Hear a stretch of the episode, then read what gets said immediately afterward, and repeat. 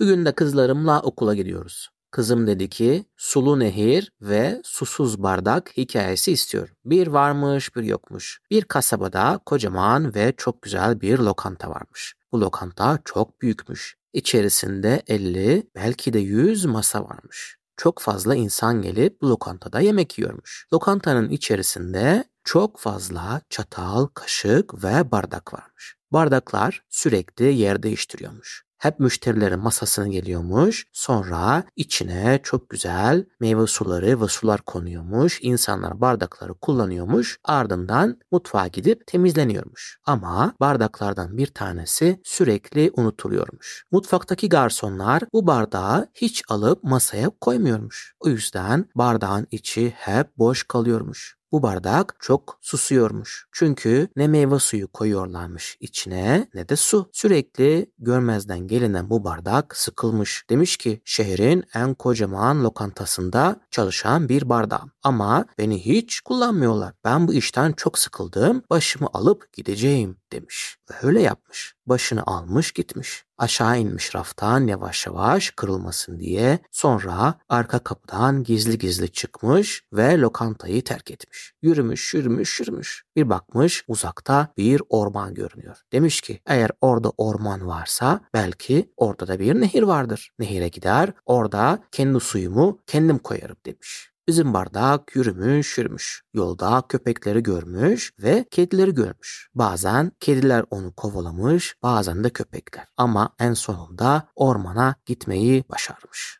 Ormanda tabii ki yollar hep taşlı. Çok dikkatli dikkatli yürümüş, kırılmasın diye. En sonunda bir ses duymuş şırıl şırıl. Demiş ki sonunda bir nehre ulaştım. Gelmiş, nehri görmüş ve çok mutlu olmuş. Nehirle konuşmuş. Demiş ki ey nehir senin suyun çok. Lütfen bana biraz su ver demiş. Sulu nehir hemen başını kaldırmış, sağa sola bakmış. Demiş ki ben burada hiçbir hayvan görmüyorum ama uzakta duran bir bardak var. Acaba bu ses bu bardaktan mı geldi? Ey bardak sen mi konuştun demiş sulu nehir. Bardak demiş ki evet ben konuştum sulu nehir. Ben çok yalnız bir bardağım. Hiç bu bardakta insanlar beni kullanıp hiç su içmedi ve hiç de meyve suyu içmedi. Acaba senin suyundan biraz alabilir miyim demiş. Sulu nehir çok şaşırmış. Demiş ki tabii ki olabilir. Benim suyum çok. Sana biraz su verebilirim. Ve nehir hemen biraz su almış ve bardağın içine koymuş. Böylece susuz bardak artık susuz değilmiş. Tepesine kadar suyla dolmuş. Hatta suyla beraber bir tane küçük balık düşmüş bardağın içine. Dönmüş dönmüş. Bardak gıdıklanmış tabii ki. Ondan sonra gülmüş gülmüş. içindeki suyun birazı balıkla birlikte nehre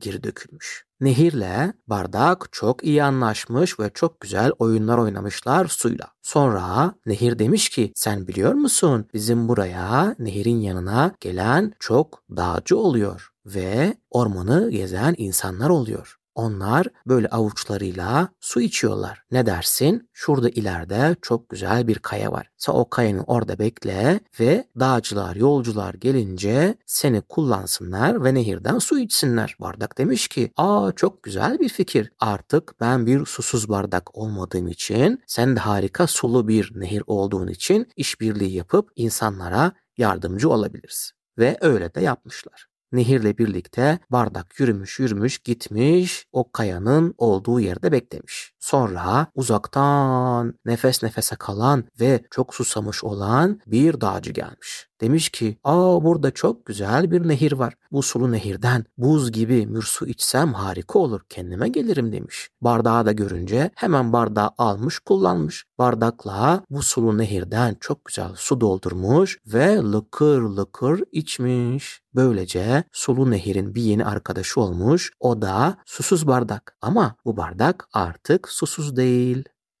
Bitti. Hikaye isteklerinizi okul yolu hikayeleri at gmail.com mail adresinden bize ulaştırabilirsiniz.